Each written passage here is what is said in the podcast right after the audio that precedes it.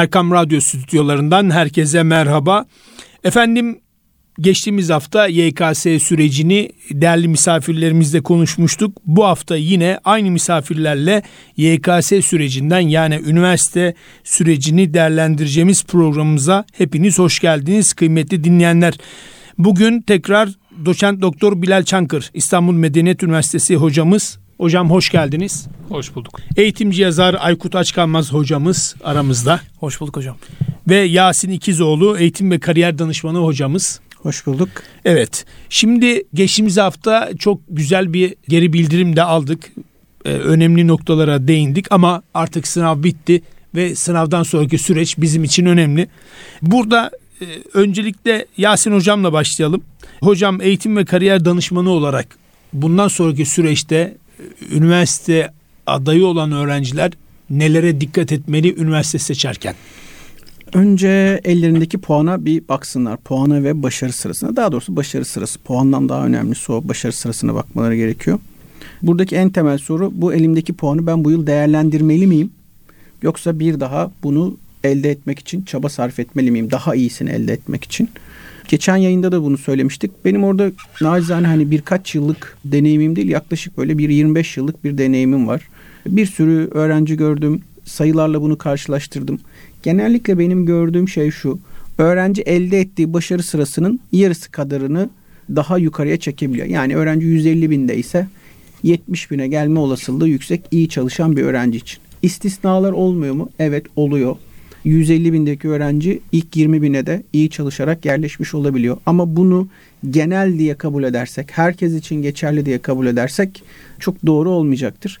Bilim de hep genellemeler üzerinden gider. Onun için mecburen biz bir genellemeyi kullanacaksak sınava hazırlanacak öğrencilere hani böyle bir e, pusula söyleyebilirim. Sizi bir sonraki yıl çok iyi çalışarak yarısı kadarına gelmek, elde ettiğiniz başarı sırasının yarısı kadarını üstüne çıkmak mutlu edecekse bir sonraki yılı deneyebilirsiniz. Bu birinci şey. Puanını değerlendirecekler için burada söyleyeceğim en önemli şey şu. Lütfen şuna bakmayın. Bunu Bilal Hocam'la da konuşalım. Hatta onun da bu konuda fikrini merak ediyorum. Bana en çok tercih döneminde gelen soru, klişe soru hatta. Hocam bu meslekte iş var mı? Benim de cevaben söylediğim şey ki genellikle soruyla soruya soruyla cevap vermem. Sende iş var mı? Çünkü hayatta sizi ayaklarınızın üzerinde tutacak mesleki ünvanlar değil, tam tersine sizin o mesleğin içini nasıl doldurduğunuz, sizin nasıl performans gösterdiğiniz asıl sizi güçlü kılacaktır. E, karşı taraftan ciddi alınmanızı sağlayacaktır. Prestijiniz olacaktır. Mesleğin ünvanı değil. Herkes şunu söylüyor etrafında. En azından Türkiye için çok popüler olan bir şey. Öğrencinin en çok duyduğu şey. İşte tıp okumak. Ben e, bazen hekimlere bu konuda haksızlık yapıldığını düşünüyorum. Herkes şöyle düşünüyor. Tıp okudukları için değerli ve prestijli insanlar. Ama ben daha farklı bir şey söylüyorum. Bu insanlar yaklaşık 15 yıllarını eğitime kan ve gözyaşıyla ayırdıkları için acıya karşı dayanıklı oldukları için aslında değerliler. Çünkü bir hekimin yetişme sürecine baktığınız zaman diğer hiçbir meslekte olmayan yüksek performans ve sabatkarlık göstermeniz gerekiyor. Şimdi burada tıp mı değerli olduğu için e, o insanlar değerli yoksa bu insanlar değerli olduğu için mi tıp değerli oluyor? Bu çalışkan insanları, bu programda okuyan insanları arkadaki bu emeğini görmemeyi ben biraz haksızlık olarak görüyorum. Dolayısıyla bunu her mesleğe uygulayabiliriz. Ben hep şunu söylerim. Siz tıp fakültesine gitmek istiyor musunuz ki en popüler olandan bahsediyorum. Bunu mühendislik için de söyleyebiliriz. Ama o örneği oradan vereyim. Evet. Ee, harcadığınız buradaki zaman, emek, para birçok şeyi birleştirin. Bunu herhangi bir meslek için aynı biçimde uygulayın. Muhtemelen benzer bir sonuç alırsınız. Yani kişinin oradaki gösterdiği performans aslında orayı kıymetli yapacaktır. Bizim en büyük yanılgımız bu oluyor. O meslek olduğu için zannediyoruz ki o insanlar hayatta belli bir yere geliyorlar, belli bir kazanca ulaşıyorlar, belli bir prestije ulaşıyorlar. Ee, bunun çok büyük bir yanılgı olduğunu düşünüyorum. Yoksa dünya çapında şimdi hani şeyi konuşalım. Yeni bakanımız atandı. Ee, Mehmet Şimşek az başarılı bir insan mı? Oradan konuşalım. Dünyada evet. herkes tanıyor ama bir hekim değil. Fakat bir hekim kadar emin olun oraya gelmesinde kan ve gözyaşı vardır. Kimse bunu konuşmuyor. O, evet o bir iktisatçı, ekonomist ama oraya o makama gelene kadar emin olun bir hekim kadar fazlaca efor sarf etmiştir.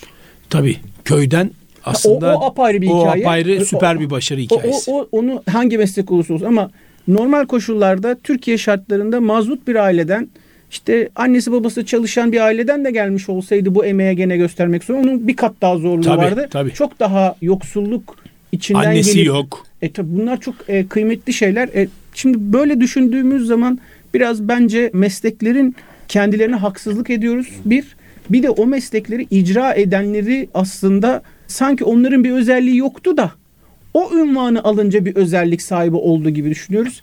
Biraz bu perspektiften bakılmasını öneriyorum ben. Eyvallah. Şimdi tabii Bilal hocama geleceğim. Toplu sorular soracağım. Sonra Aykut hocama geçeceğim. Pekala Yasin hocam her şey üniversite mi? Şimdi arkadaş üniversite puanını aldı cepte. Ama istemediği bir bölüm ve istemediği bir şehir. Şimdi bazı kıstaslar işte nedir örnek? İşte askerliği daha kısa yapayım. Mesela erkeklerin kafasında olan bir şey. İşte elimde diploma olsun ama istediğim işi yapayım. Vallahi hocam bu askerlik hala da genç jenerasyona zor geliyorsa bizim jenerasyon yatıp aşağı ölsün derim yani. Yani bu kadar kolaylaştırılmış, süresi kısaltılmış, evet. kolaylaştırılmış bir dönemde hala da askerlikten kaçmak için üniversite bir çıkış mıdır? Ya ona emin olamadım. O geçmişte belki bu sorunun cevabı kısmen evet olabilirdi ama şu anda evet. bence hiç bu olmamalı. Mesela yani. hem kız öğrenciler hem erkek öğrenciler. Yani e, istediği bölüm değilse illa üniversite okumak şart mı? Şimdi hocam oradaki beklentiye bağlı. Evet, şöyle bir şey. Siz ben bir üniversite yaşantısı göreyim. Oranın ekosisteminden yararlanayım. Vizyonum açılsın diye gidiyorsanız bir sorun yok. Ama sonrasında sevmediğiniz ve üzerine eğilmeyeceğiniz, emek göstermeyeceğiniz, sadece üniversiteden alacağınız bir diploma ile iş beklentisi içine giriyorsanız bakın orada harcayacağınız para size maalesef hiçbir faydası olmayacaktır. Hatta boşa savurduğunuz bir paraya dönecektir. Ben Türkiye'de hani genç işsizliğin ve özellikle üniversite işsizliğinin çok yüksek olduğunu rakamlarına bakarken evet rakamlara istatistiksel olarak baktığınız zaman öyle olabilir ama ben öyle bakmıyorum. Ben de öyle ee, bakmıyorum çünkü insanlar iş beğenmiyor. E, ona da katılıyorum. Bir de şuna katılıyorum. E, Türkiye'de bir işsizlik var. Buna kabul. Ekonomi bozulduğu için bir sürü şey oldu ama gerçekten üniversiteden her mezun olan kişi de yüksek düzeydeki işlere uygun mu? O aldıkları diplomalar gerçekten yeterli mi? Şimdi bu dönemde kendini çok iyi yetiştirdi mi? Çünkü tüm dünyada ekonomiyle ilgili sıkıntı yani, var. Şimdi bu kadar e, globalizasyonun olduğu bir dünyada şirketlerin yabancı ortaklıklar yaptığı, ürünlerin yabancı ülkelerden alınıp yabancı ülkelere satıldığı bir dünyada sizin mesela İngilizce bilginiz ne düzeyde? Bir şirket sizi neden alıp konumlandırsın diliniz yokken? Ben sadece bir üniversite diplomasıyla geliyorum. Yani hiç olmazsa İngilizceyi ki biz burada bunu İngilizleri mutlu etmek için yapmıyoruz. Yani Almanla da, Çinliyle de, Rus'ta da Arap'la iletişim da. kurmak için bizim dünyada ortak bir dilimiz var. Adı İngilizce olmuş. Eğer bu Arapça olsaydı Arapça olacaktı. Rusça olsaydı tabii, Rusça olacaktı. 100 yıl önce Fransızcaydı. E, evet tabii gibi. Aynen böyle düşünmek gerekiyor. E sizin hiç böyle bir donanımınız yok. Yani, sokak röportajları yapılıyor ya. Ne kadar yani evet diplomayı almış. Peki onun üstüne ne koyduğu sorusunun hiçbir zaman cevabı sorulmuyor. Şimdi hani ben işveren olarak şunu soruyorum. Kapıda 150 kişi bekliyor. Seni işe almam için 149'undan farklı olan özelliğin ne ki alayım? Kişi bunun cevabını eğer oluşturmuyorsa üniversite sıralarında yani kendini inşa etmiyorsa ve sadece üniversitede verilen dersleri alıp onlardan geçmekle kendini yükümlü görmüşse üzgünüm iş bulması zor. Her mezun olacak öğrencinin şunu düşünmesi lazım. Tercihlerini yaparken de. Ben bu mezun olduğum bölümü, alanı dünyanın herhangi bir yerinde yapmak istesem hiç olmazsa ortalama standardı tutturabiliyor muyum? Bakın çok basit bir kriter söylüyorum. Ortalama standart. En yukarıda olacak demiyorum. En iyisi olacak demiyorum. Ortalama standardı tutturabiliyor muyum? Bakın bunu hekimlerimiz tutturuyor. Türkiye'den bir sürü bugün hekim yurt dışına gidiyor. Hiç almayacağım diyen ülke var mı? Yok. Peki başka ülkelerden gelen hekimler bu kadar kıymetli değilken Bizdeki hekimler niye kıymetli? Çünkü bizdekiler ortalama dünya hekim standartını fazlasıyla tutturuyor. Tabii. En iyi doktorlar. E, dolayısıyla ben şimdi bu soruyu dünyada. işletme mezunu olan arkadaşa da sorarım. Ben bunu makine mühendisi olan arkadaşa da sorarım. Sen gerçekten dünya standartının ortalamasına yakın bir yerde bir kendine konumlandırma yapabiliyor musun? Pekala şu soruyu soralım önce size o zaman. Üniversite sınavını kazanmış. Hadi hazırlıkla beraber 5 yıl boyunca üniversite okuyacak bir öğrenci düşünelim. Bu öğrenci üniversitede, üniversitedeki derslerin haricinde siz inanıyor musunuz ya da görüyor musunuz ya da duydunuz mu? Kişisel gelişimine fayda sağlayan eğitimler, sertifika programlarına katıldığını. Çok az. Zaten bunları yapmış olsaydı ortalamanın üstüne çıkardı. Hocam bak çok net bir şey söyleyeyim. Bilal hocam da söylesin. Hocam Harvard'ın, Yale'in, MIT'nin open source dersleri yok mu? Açık kaynak dersleri. Evet var. Ee, girmek istediğinizde bir para veriyor musunuz? Yok. Sertifikasyon almak istediğinizde galiba bazılarında bir ücret var hatırladığım kadarıyla. Dolayısıyla siz dünyadaki en üst üretilen bilgiyi dinleme şansınıza sahip değilseniz ben işveren olarak size neden iş vermek zorundayım? Sen güncelle kendini buluşturmadıysan hani bir de bu taraftan düşünmek lazım. Evet aslında önemli nokta. Bilal hocam tabii dönüp dolaşıp yine üniversiteye geliyoruz. E, bu alanda tabii çok fazla bir birikim var. E, bu noktada çok fazla da öğrenci önünüze geliyor. Hem öğrenciler bu 5 yılın hakkını verebiliyor mu? Bir önceki sorumuz da üniversite her şey demek mi? Ve ondan önceki soruda açıkçası üniversite puanını almış öğrenci yani sadece gerçekten hani e, şu şartları kazanayım diye mi diploma alıyor ya da okuyor? Bunların ekseriyetini mutlaka 3 aşağı 5 yukarı öğrencide analiz edebiliyorsunuzdur. Bilinçli öğrencimiz çok fazla mı hocam üniversiteye gelen? Öğrencilerin üniversiteye gelme amaçları arasında dediğiniz gibi askerlik gibi bir de akbil öğrencileri var. Akbil akbilden e, ücretsiz yararlanma e, meselesiyle ilgili öğrencilerimiz de mevcut. Böyle öğrencileri de görmüş oluyoruz. Burada öğrencilerin kendilerini geliştirmeleri, hakkını verebilmeleri için girdikten sonra tercih yaptıktan sonra bir bölüme girdikten sonraki aşamada öncelikle kendilerini geliştirmeleri gerekiyor. Hakikaten işlerin bu kadar özelleştiği, bu kadar unikleştiği bir e, dönem daha önceden hiç olmamıştı. Artık o kadar özel işler var ki yani e, şu anda işler e, bundan 10 yıl önce çıkan bir sosyal medyanın sektörleştiği bir süreçteyiz. Yani bu sadece sosyal medya ayağıyla görmüş oluyoruz. Şu anda hali hazırda bir devrim içerisindeyiz. Devrimin adı yapay zeka. Göreceksiniz birkaç yıl içerisinde yapay zeka ile ilgili alt kırılım alt unvanlar çıkmış olacak. Yani yapay zeka inşaat mühendisliğinde yapay zeka uzmanı, e, ne bileyim turizmde yapay zeka uzmanı e, gibi ya da o alanlarda direkt kişilerin kendilerini yetiştirmelerini bekleyecekler ve böyle unvanlar karşımıza çıkacak. Geleceği okuyabilmek için bu yeni gelişmeleri de takip etmek gerekiyor. Yani burada kişisel olarak şunu söylemek gerekiyor. Bu gerçekten bir devrim. Bunun en yakın örneğini internet çıktığında ki bizim e, çocukluk yaşlarımızda görmüştük. İnternet çıktığında hissetmiştim. Şimdi de yapay zeka çünkü hakikaten insanoğlunun yapacağı çoğu iş yapacak. Yani. Hocam ben şöyle ayırıyorum katılır mısın bilmiyorum. İnternet bir kırılımsa hani bir faz sonra sosyal medyanın çıkması bir faz 6 ay önce de Chat GPT'nin hayata girmiş olması 6-7 ay falan oldu. Bir faz. Şimdi biz tabii da e, Chat GPT ya da yapay zekayı ana başlığıyla e, konuşursak daha bunun hayata tam olarak nasıl girdiğini görmedik. Çoğumuz kullanmaya başladı bilgisayarla biraz ilişkisi olanlar. Ama tam olarak hayatımıza entegre olduğunda muhtemelen birçok kişinin işinden olacağını çok yakın zamanda göreceğiz. Çünkü 6 ayda bile geldiği mesafe yani 20 yılda alınacak mesafeyi aldı. Şu anda yaptıramadığımız iş yok. Mesela reklamcıların reklam metinlerini yazmasından tutun da yani şöyle bir şeyi hiç hayal edebilir miydik? Ben yapay zekayı şu anda söylüyorum. Diyorum ki şöyle şöyle şöyle bir fotoğraf yarat benim için. Bu bir gerçek fotoğraf olsun. İllüstrasyon olmasın. Ya da illüstrasyon olsun. İçine şunlar şunlar olsun. Şöyle şöyle olsun diyorum. Ve bunu Türkçe söylüyorum. Bana iki dakika içinde o söylediğim şeyi görselleştirebiliyor. Aslında kitap da yazabiliyor Aykut Hocam. Evet. Bu iş açıkçası e, sıkıntılı biliyor musun? Yani tezler de yazılabilir. Hatta bir profesör hocayla e, geçen gün oturduk hasbihal eğiliyorduk. Bizim akademik çalışmalarla ilgili de istişarelerde bulunuyorduk Bilal Hocam. Yani dedi ki tezlerle ilgili dedi şu anda dedi ciddi sıkıntılar olabilir dedi. Biz dedi bunları başka bir modda yapay zeka ile yazıldı mı yazılmadı mı diye bunun üzerine gidiyoruz dedi. Yani iş başka bir boyut aldı ya. Şöyle başka bir boyut yani aldı. gerçekten yani sabah- iyisi de var ama kötüsü olunca da şimdi düşünsenize hocam kitap yaz diyorsun. Tabii. Yazıyor sana bir makale, yazıyor sana kitabı, sonra veriyorsun yayın evine. Diyorsun ki yazar oldum.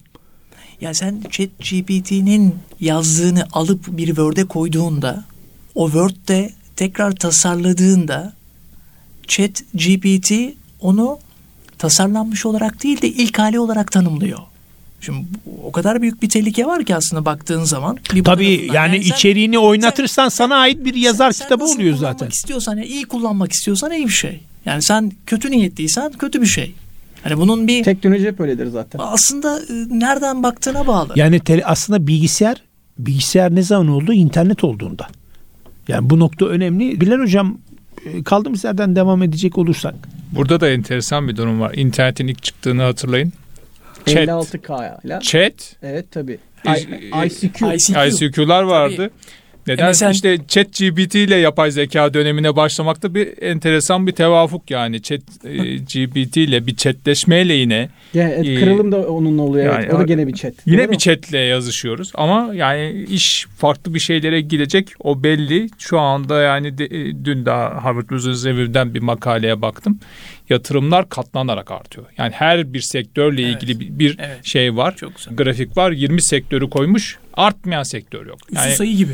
E, Kesinlikle katlanarak artıyor. Yani bu e, geleceği okuyabilmesi için arkadaşların, genç arkadaşlarımızın kesinlikle yapay zekaya aşina olmaları gerekiyor. Sektöre aşina olmaları gerekiyor. Buradaki şiddetle tavsiyem staj. Yani burada zorunlu staj değil, gönüllü staj, sektörle iç içe olmak. Şimdi İstanbul'dayız. Yayını İstanbul'dan yapıyoruz. Ee, öğrencilerim de İstanbul'da. Ee, onların çok büyük bir artısı var. Ne? İstanbul'da sektör ne isterlerse sektör, her türlü sektör var. Anadolu'da okuyanların burada bir tık dezavantajlı durumu var. Ama bu gönüllü stajla birlikte kendilerini geliştirme imkanları da var ve e, sektörün istediği nitelikte çıkma olanakları var. Bir, bir taraftan buyurun. E, Teşekkür ederim hocam.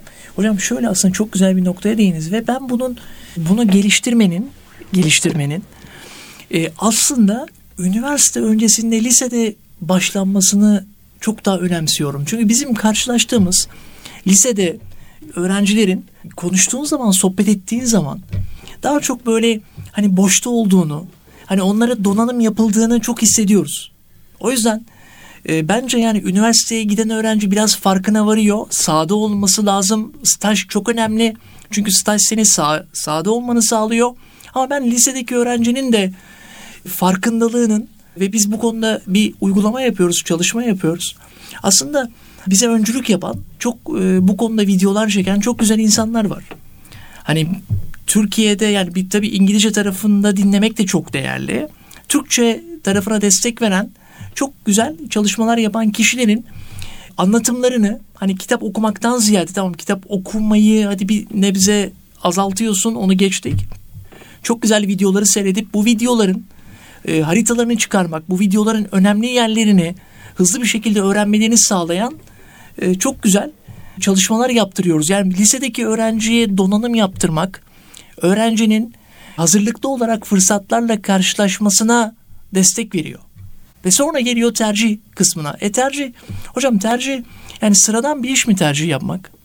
Yani gerçekten üzerinde e, çok iyi çalışılması gereken, bilinmesi gereken bir çalışma değil mi? E bu tercihleri biz e, o zaman hani sanki yapmamış yapmamız gereken bir durummuş gibi değil de gerçekten uzmanlık alanı isteyen bir durum gibi bakmamız gerekiyor. Bence tercihi de uzmanı yapmalı. Valla ben 20 25 yıldır uzman olarak e, nacizane çalışıyorum ve e, bunun bir e, şey olmadığını biliyorum. Puan sıralaması işte 24 tane tercihin ÖSYM'nin sistemine girmekten ibaret olmadığını net olarak söylüyorum. E, Hocam da katılacaktır herhalde. Yani bizi dinleyen genç arkadaşlara şunu söyleyeyim. Tercihleri yaparken e, lütfen taban puanlara bakıp üniversitenin ne olduğunu anlamaya çalışmayın. E, orada önemli bir bilgi vereceğim bir önceki yıl sizin gibi üniversite seçme konusunda hiçbir tecrübesi olmayan sizin yaşınızdaki öğrencilerin ellerindeki başarı sıralarını ya da puanları kullanma biçimlerini anlatıyor bize taban puan. Bunun altını özellikle çiziyorum. Dolayısıyla burada bir bilinçle yapıldığını düşünmeyin. Siz de diyorsunuz ki bir, bir varsayımla geçen yıl öğrenciler böyle davrandıysa 2022'de 2023 Temmuz döneminde de yeni öğrenciler böyle davranır diye bir varsayımla yola çıkıyorsunuz. Aslında bu demek. Yani bir üniversitenin aslında açıkladığı bir taban puan falan yok. O kendisine başvuranlar arasından işte bin kişi başvurduysa 60 kişilik kontenjanı varsa ilk 60'ı alıp yerleştirme işlemi yapıyor ve biz 60. kişinin taban puanını başarı sırasını görüyoruz. Dolayısıyla bu bir kriter midir? Evet hadi onu da koyalım bir tarafa. Ama hani kriter kaçıncı sıradaki önemli kriterdir? O apayrı bir konu. Üniversitenin eğitim dilinin ne olduğuna bakalım. Birincisi bu. Öğretim üyesi başına düşen öğrenci sayısı çok önemli. İşte doktoralı öğretim üyesi sayısının yüksek olması ve aynı zamanda bu öğretim üyelerinin en azından bir kısmının Dünya 500 Üniversite listesinden bir yerlerde yüksek lisans ya da doktorasını yapmış olması çok kıymetli. Dünyayı görmüş olması. Çünkü o bir vizyon getirecek sınıfa. Bunları ÖSYM bu arada yayınlıyor. O veriler de var. Bir akademisyenin kaç tane makale yayınladığı, akademik sayfa işin endekste ne gözüktüğü gibi. Yani şimdi diyecek ki öğrenci ya ben bunların hepsini oturup çalışacak mıyım? Tabii bunu bilen birisiyle yaparsanız o size zaten bunların ne olduğunu söyleyecektir. Hani ben en azından söylüyorum ama herkes bana mı ulaşacak? Benim şimdi burada verdiğim bilgi ben olmadığım durumlarda, benim gibi uzman olmadığı durumlarda ne olacak? Evet siz biraz arkadaşlar yaz dönemini sınavlar bitti. Lütfen eğer bu kadar uzman birisi yoksa çaba harcamakla geçirin. O üniversite mesela hangi şehirde? Ben şunu çok net söyleyeyim. Ee, Anadolu'nun küçük şehirlerinde üniversite okumak zordur. Neden zordur? Bir, sizi kültür olarak geliştirecek imkanları dardır. Bu arada Anadolu'da okumak zordur derken kastettiğim şey Anadolu'da okumak değil. Herkes İstanbul'da mı okuyacak? Değil. Ama e, Konya'da okuyacaksanız okey. Ya da Antalya'da okuyacaksanız tamam. Ya da işte Trabzon'da okuyacaksanız burada köklü bir üniversite var. Karadeniz Teknik Üniversitesi var. Tamam. Ama şimdi çok yeni açılan hani maalesef biz küçük şehirlere de üniversiteler açık, açılması ne kadar gerekliydi bambaşka bir tartışma konusu ama yani o sebepleri bırakalım da biz kendimizi öğrenci olarak nasıl koruyabiliriz? Anadolu'nun küçük yerlerindeki üniversiteleri seçerken dikkatli olun. E çünkü buradaki muhtemelen öğretim sayısı da az olacaktır. Sosyal imkanları da az olacaktır. Muhtemelen kampüsleri daha inşa halinde olacaktır. Birçok üniversite imkanlarını tamamlamış olacaktır. Biraz bunlara bakmak. Ve eğer eğitim dili İngilizce olan bir üniversite seçmeyecekseniz şunu bilin. Az önce hocam da söyledi. Bilişimle ilgili artık ilgili olmayan bir bölüm yok. Yani siz bilişimi iyi kullanamıyorsanız, biraz kodlama bilmiyorsanız, biraz yapay zekayı kullanmayı bilmiyorsanız bundan sonra işlerinizi yapmanız çok zor olacak. Dolayısıyla bunlara yatırım yapmayı düşünmeniz gerekiyor. Dili siz dışarıdan tamamlamanız gerekiyor. E şimdi Anadolu'nun küçücük bir yerinde bir İngilizce kursuna gitmek istediğiniz zaman bile bir problem olacaktır. Çünkü orada öyle bir hizmet bulamayacaksınız. Hani ben kendimi geliştireyim deseniz bir kursa fiziksel olarak gideyim. Hani online elbet ulaşılabiliyor ama fiziksel olarak gideyim orada bir etkileşime gireyim karşılık olarak bunu bulamayacaksınız. Bunlara biraz dikkat edilmesi gerektiğini e, tercihlerde düşünüyorum. Kesinlikle burada üniversiteleri de ayırt etmek lazım. Yani e, sizin dediğiniz noktadan alacak olursak e, ben üniversiteleri kategorize ediyorum herkesin kafasında. Bence yok da kategorize ediyor değil mi hocam? Mesela işte bilimi araştırmasını bilmem neye ayrılan üniversiteler falan diye bir tek biz kategorize etmiyoruz Evet herhalde. evet evet yani e, oradaki şey e, gıda ihtisaslı ihtisas üniversiteleri falan tarzındaki şeyler de bizim kategorimiz daha da e, biraz daha farklı. Mesela en başında devlet vakıf ayrımını yapmak gerekiyor. Devlet üniversiteleri ve vakıf üniversiteleri. Vakıf üniversitelerinden bahsetmek gerekirse üç tip aslında iki tip vakıf üniversitesi var. Birincisi hakikaten vakıf üniversitesinin hakkını veren beş üniversite. Beş, altı, e, iyimser belki söylüyorum. Ben iyimser söyleyebilirim ama hocam size katılıyorum. Yani hadi bunları toplayalım. En iyi ihtimalle 10 diyelim. İyi, 10 iyiymiş. 10 olsun tamam 10 olsun ve diğerleri. Mümkünse arkadaşlarımız diğerlerine e, gitmesinler. Ortada buluşalım hocam sayıda. Yok yok o bunun ortası yok. Yani ben benim parmağını geçmez e, diyordum ama madem siz e, açık Çok art- net. Evet. Öyle yani hakikaten öyle. Yoksa öbür türlü mış gibi mış gibi gittiğiniz bir üniversitede okumuş olacaksınız. Biraz önce de o hocamın da söylediği gibi bir Anadolu Büyükşehir ayrımı devlet üniversitelerine geçecek olursak Anadolu Büyükşehir ayrımı var mı? Var. Orada da büyük şehirlerdeki üniversiteleri de ayırt edecek olursak bir teknik üniversiteler, teknik bölümlerde teknik üniversitelerin çok daha iyi olduğuna, eğitimlerinin çok daha iyi olduğuna, yani hepsi için söylemek e, biraz daha şey ama e, daha iyi olduğunu söyleyebiliriz. Ama teknik üniversitelerde de sosyal sosyal bölümün eğitimlerinde pek iyi verilmediğini de yani çok dille getirilmese de yani mümkünse teknik üniversitede sosyal bölüme gitmeyin derim puana göre. Köklü üniversitelerde de e, yani normal bir mühendislik bölümüne de çok da tavsiye etmiyorum. Yani teknik bir mühendislik, bir teknik bölüm okuyacaksanız teknik üniversitesinde, yani teknik üniversite deyince İTÜ e, anlaşılabilir ama o değil yani. E, Erzurum Teknik de var hocam. Evet öyle öyle e, üniversitelerimizde mevcut.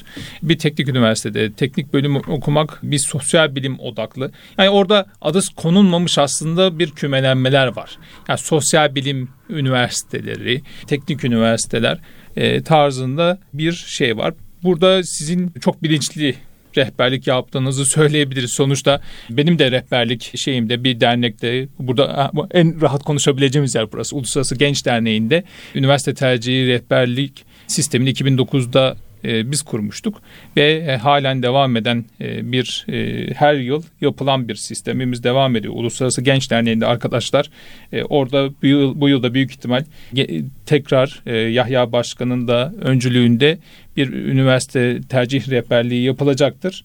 Muhakkak oraya da uğramanızı tavsiye ederim. Şimdi burada gerçekten rehberlik yaparken e, akademik kadroya bakmak gerekiyor. Akademisyenlerin yeterli olup olmadığı sayısı, unvanları. Tabii şuna dikkat etmek gerekiyor. Proflara aldanıp da emeklilerden oluşan bazı Hocam üniversiteler var. Şimdi alınırlar diye ee, sen akademisyen olarak söyledin. evet. ee, ben şimdi e, hocama burada destek vereyim buna. Şimdi araştırmayı yapan her zaman genç doktoralı enerjik, öğrenme e, isteği yüksek genç insanlardan oluşur. Bir üniversitenin bütün kadrosu profesörse bence e, orada bir sıkıntı var demektir. Daha çarşı e, karışmasın. E, daha o kadar homojen olmaması lazım. Biraz heterojen hatta bir miktar eskinin tabiriyle söylüyorum şimdi o ünvan kalktı ama biraz daha yardım doçent ağırlıklı bir miktar doçent ve elbette profesörün olduğu bir bölüm. Hani daha yaşlı, daha orta ustalık döneminde ve biraz daha öğrenmeye açık ve öğrenciyle eşleşebilecek doktoralı öğretim üyesinin olduğu üniversite bölüm kadrosu en ideal kadrodur.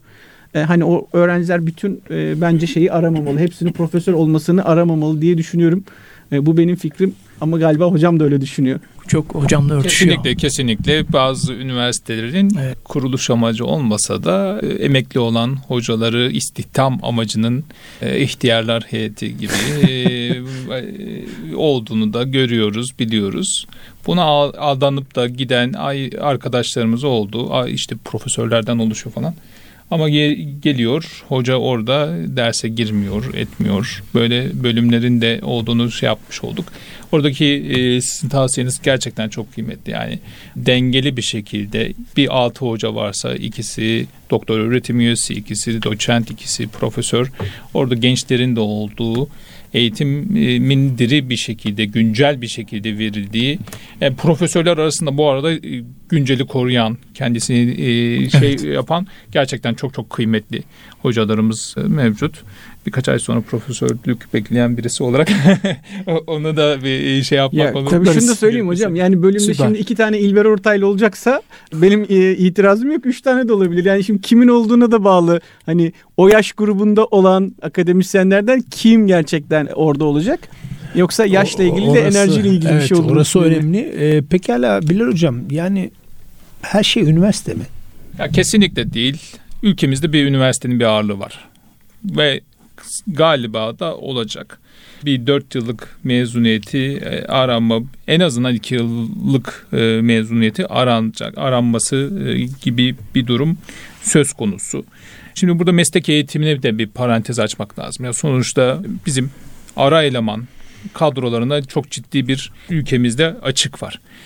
Burada iki yıllık da olsa yani meslek lisesinden mezun oldu çocuk bir daha üniversite okumasın ben bunu demiyorum. İki yıllık kaliteli üniversitelerimizin meslek yüksek okullarımızın tam karşılığı odur. İki yıllık meslek yüksek okullarının yaygınlaşması. Yüksek okula çok karışıyor ya hocam. Evet, evet. meslek yüksek yüksek, okul. E, yüksek okullar dört yıllıktır. Meslek yüksek okulları iki yıllıktır. Burada meslek yüksek okullarına çok iş düşüyor. Geçen de e, havacılıkla ilgili e, bir açılı şeyimiz var Medeniyet Üniversitesi'nde. Burada havacılık ve uzay fakültesi mi olsun hmm. yoksa sivil havacılık yüksek okulu mu kalsın diye bir tartışmamız oldu hmm. müdürümüzde. Ben dedim kesinlikle sivil havacılık yüksek okulu şeklinde kalsın. E neden? Bu sektörün açığı şey direkt eleman yetiştirme. Yani orada motor gövde, hava trafik, havacılık yönetimi gibi tam eleman yetiştiren bir hüviyette. İhtiya, ihtiyaca yönelik. İhtiyaca yani. yoksa fakültelerin kanunen bakın kanunen diyorum. Ya işte sektöre niye bu fakülteler e, sektörün ihtiyacına dönük eleman e, yetiştirmiyorlar, öğrenci yetiştirmiyorlar cevabı kanunla engellenmiş. Akademik eleman yetiştirir diye kanunda yazıyor. Yani siz Çok fakültede iyi sektöre dönük böyle be, e, bir de yüksek okul hocam e, yanlış bilmiyorsam düzeltin. E, tematiktir. Yani aslında bir temaya dönüktür. Bakın havacılık yüksek okul diyorsunuz sağlık yüksek okul diyorsunuz. Yani bu ne demek? Bunun içinde uçak motor gövde bakım olur pilotaj olur işte yer hizmetleri olur hava ulaştırma işletme gibi olur. Sağlık bilimleri ise işte ebelik olur hemşirelik olur. E, içine ne açabilirsiniz? Başka işte fizyoterapi, fizyoterapi olur, olur odyoloji gibi tabii, olur. tabii, tabii, yani tabii. burada ne var? O alana dönük bir şey ve e, ister istemez o orada akademik alanda bir sinerji yaratılıyor. Çünkü birbiriyle entegre bölümler. Fakülte daha geniş çaplı ve bir mesela bir Fen Edebiyat Fakültesi'nde İngiliz Dili Edebiyatı da var, fizik bölümü de var. İkisi bir arada olabiliyor bu arada. Fakülte biraz daha geniş çaplı ama öğrencinin kafasındaki şeyi söyleyeyim tercih yapan birisi olarak asla bunu ayıramıyorlar. Hmm. Çünkü bilgi eksikliği de var. Onu MYO ile karıştırıyor. Yani yüksek okulun bir e, tematik eğitim veren ve sektörle daha fazla bağlantılı olduğuna dair bir fikri yok. Hatta kendisini düşük profilli bir yer kazanmış gibi düşünüyor. İki yıl önce galiba daha uzun sürede olabilir. Hafızam beni yanıltıyor olabilir. Boğaziçi Üniversitesi yüksek okulların hepsini fakülteye çevirdi. Evet. Onlardan vakti zamanında birinde okumak istemiş biri olarak. Ee, ama bence onlar ediyoruz. yüksek okul olarak kalmalıydı. Kesinlikle. Yani içinde ne vardı? Mesela yönetim bilişim sistemleri vardı. Turizm Ulusal, işletmeciliği evet, vardı. Turizm işletmeciliği vardı. Uluslararası ticaret ve işletmecilik vardı. Ee, ama anladım ki hani üniversite böyle bir kaygı duymuş. Hani ben sadece bir şu anda akıl okuma yapıyorum. Böyle bir bilgiye sahip değilim. Ama onun bir değişikliğe gitme ihtiyacı Sadece duymuşlar. Sadece Boğaziçi değil. Herkes yani şu anda yüksek okul olanlar da bir furya var. Yükün böyle bir şey mi var? Onu bilmiyorum. Yüksek okullar fakülteye dönüşmeye çalışıyor. Örneğin sağlık yüksek okulları Sebebi şu anda bu. sağlık bilimleri fakültesi olmaya, olmaya çalışıyor. çalışıyor. Ha, sivil havacılık yüksek okulları havacılık ve uzay bilimleri fakültesi olmaya çalışıyor. Ya bunu tam tersi olması lazım. Sektörün aradığı nitelikte kişilerin yetiştirilmeye ihtiyaçları var. Bir de e, bir parantezde akademik kariyere e, açmak istiyorum. Yani yanlış tercih ah benim dört yılım gitti diyen arkadaşların bir lisansüstü çıkışı var. Bu göz ardı edilebilir. Yani bir mühendis pekala işletmede e, yüksek lisans yapabilir. Kendisinin yönetim alanında, diğer pazarlama alanında, ticari alanda e, özelleştirebilir ya da akademik kariyerde devam edebilir. Yani o e, bölümü çok sevdi, yeterliliklerini karşıladı. E, ne oluyor? Akademi, e, üniversitede devam etme imkanımız, imkanı da e, her bölüm için söz konusu. Ben son bir şey söyleyeyim mesela. Endüstri mühendisliği okumuş bir öğrenci için bir hemen bir açılım yapayım. İsteyen bir öğrenci. Psikoloji okumak istiyordu. U dönüşü yapabilir. Endüstri, e, endüstri mühendisliği okumuş bir öğrenci rahatlıkla endüstri psikolojisinde, örgüt psikolojisinde ister işletme fakültesinde. İş ve örgüt psikolojisi. Evet. E, ister e, psikoloji bölümünde yüksek lisans yaparak bu isteğini sonrasında e, dönüştürebilir. Evet tabii süremiz gittikçe azaldı. Hocam son dakikalar Aykut hocam biraz da sizden alalım hemen. sonra hemen kapatıyoruz. Ee, yani her şey üniversite mi hocam? Ya şöyle biz de tabii danışmanlık yaptığımız ve hani birlikte çalıştığımız öğrencilerden e, ya mesela aile diyor ettiğimiz... ki çocuk diyor ki ben diyor yabancı dil okuyacağım. Baba diyor ki mühendis olacaksın. Şimdi istemediği bir alanda çocuğun okuması doğru mu hocam ya? Yani şöyle işte bunun için aslında üniversite mutlaka yani biz o öğrencinin lisede bakış açısını değiştirip üniversite e, farkındalığını kazandırmaya çalışırken bir de tabii kendisine uygun, kendi o becerilerine uygun bir bölüm ve üniversite seçmesini destekleyen bir takım işte envanterler yapıp da onu gerçekten doğru bir tercihe yönlendirildiğinde bence üniversitenin ne kadar önemli olduğu bir kez daha ortaya çıkıyor. Evet. Evet, önemli bir e, programda aslında geride bırakıyoruz. Sevgili dinleyenlerimiz bakış açısı programımızı burada maalesef bitirmek durumundayız. İstanbul Medeniyet Üniversitesi Yönetim ve Strateji hocamız doçent doktor Bilal Çankır hocamızla yine tekrar beraber olduk. Hocam çok teşekkür ediyoruz. Allah razı olsun. Eğitim Ceza Aykut Açkanmaz hocamızla yine beraberdik. Çok teşekkür ediyoruz. Allah razı olsun. Yasin İkizoğlu eğitim ve kariyer danışmanı hocamızla hem geçtiğimiz hafta hem de bu hafta yine beraber olduk. Çok teşekkür ediyoruz. Çok Allah razı olsun. oldu. Biz Evet. teşekkür ederiz. Teşekkürler. Evet sevgili dinleyenler e, bakış açısı programımızı burada tamamlıyoruz. Hem bu programı hem de bir önceki programlarımıza ulaşabilmeniz için erkamradyo.com web sayfamızdan bu programlarımıza ulaşabilir, dinleyebilir hatta bilgisayarınıza indirebilirsiniz. Önümüzdeki hafta aynı gün ve saatte tekrar görüşmek ümidi ve duasıyla Allah'a emanet olunuz.